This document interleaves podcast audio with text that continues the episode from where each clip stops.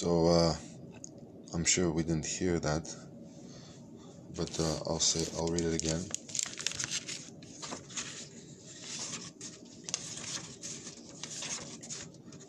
So many gods.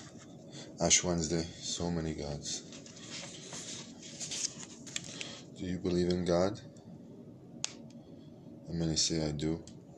Which God? Many say the one I choose. Thousands of gods have been worshipped throughout the world, throughout history. Polytheists believe in lots of gods all at the same time. Theos is Greek for God, and poly is Greek for many. Wotan, or Odin, was the chief god of the Vikings. Other Viking gods were Baldur, god of the beauty, Thor, the thunder god with his mighty hammer, and his daughter Thrud. There were goddesses like Snotra, goddess of wisdom, Frigg, goddesses of motherhood, and Ran, goddesses of the sea. The ancient Greeks and Romans were also polytheistic. Their gods, like the Viking ones, were very human like, with powerful human lusts and emotions. The twelve Greek gods and goddesses are often paired with Roman equivalents who were thought to do the same jobs, such as Zeus, Roman Jupiter, king of the gods, with his thunderbolts, Hera, his wife, Juno, Poseidon, Neptune, god of the sea, Aphrodite, Venus, goddess of love, Hermes, Mercury, messenger of the gods, who flew on winged sandals, Ionis, Bacchus, god of wine. Of the major religions that survive today, Hinduism is also polytheistic with thousands of gods. Countless Greeks and Romans thought their gods were real, prayed to them, sacrificed animals to them, thanked them for good fortune, and blamed them when things went wrong.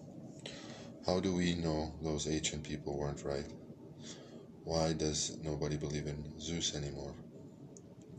We can't know for sure, but most of us are confident enough to say we are atheists with respect to those old gods. A theist is somebody who believes in gods, and an atheist, an atheist, the A meaning not, is someone who doesn't.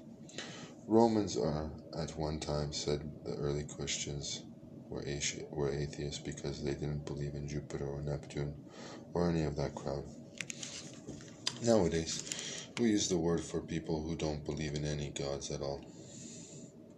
Like you, I expect I don't believe in Jupiter or Poseidon or Thor or Venus or Cupid or Snotra or Mars or Odin or Apollo. I don't believe in ancient Egyptian gods like Osiris, Thoth not Anubis or Horus, his brother, who, like Jesus and many other gods from around the world, was said to have been born to a virgin. I don't believe in Hadad or Enlil or Anu or Dagon or Marduk or any of the ancient Babylonian gods. I don't believe in any Mawu, Amau, Ajai, or any of the sun gods of Africa. Nor do I believe in Bila, Junoi, Vala, Varupranali, or Karu, or any of the sun goddesses of Australian Aboriginal tribes. I don't believe in any of the many Celtic gods and goddesses, such as Edan, the Irish sun goddess, or Elatha, the moon god. I don't believe in Mazu, the Chinese water goddess, or Dewaku, the Fijian shark god, or Yanku, the Hittite dragon of the ocean. I don't believe in any of the hundreds and hundreds of sky gods, river gods, sea gods, sun gods, star gods, moon gods, weather gods, fire gods, forest gods. So many gods not to believe. I don't believe in Yahweh, the God of the Jews. That's what they say. But it's quite likely you do. And if you were brought up a Jew, a Christian, or Muslim, the Jewish God was adopted by the Christians and under their Arabic name Allah, they said, the Muslims.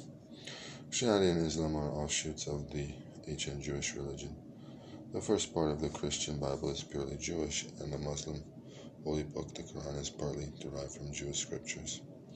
Those three religions, Judaism, Christianity, and Islam, are often grouped together as their Abrahamic religions because all three trace back to the mythical patriarch Abraham. Again, it all started with Abraham, who was also revered as the founder of the Jewish people. We'll meet Abraham again in a later, later chapter. So, just an example of how weak some of the faith is.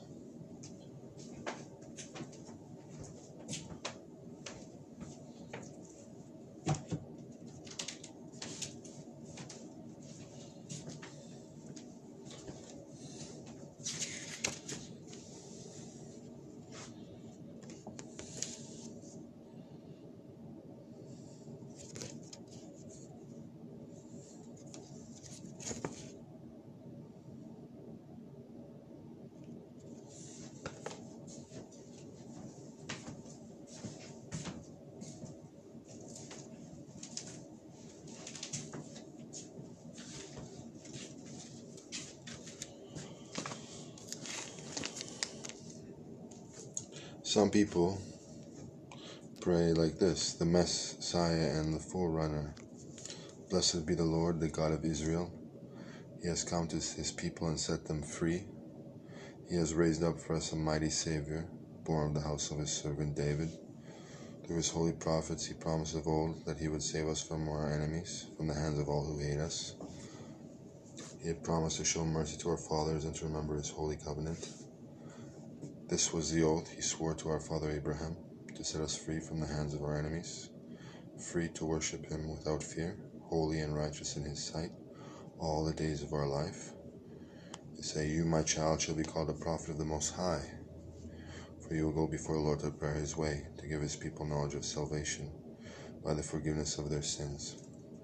In tender compassion of our God, the dawn from on high shall break upon us, shine on those who dwell in darkness and the shadow of death and to guide our feet into the way of peace.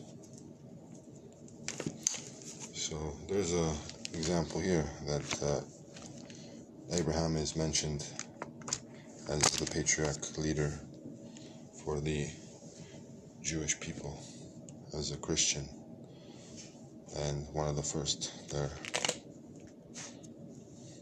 Some people think they can outgrow them or repeat them but they don't believe it started from the beginning. They have to start again. Um, I don't know about that, but uh, I think the, the dawn from on high shall break upon us, and and uh, we shall see.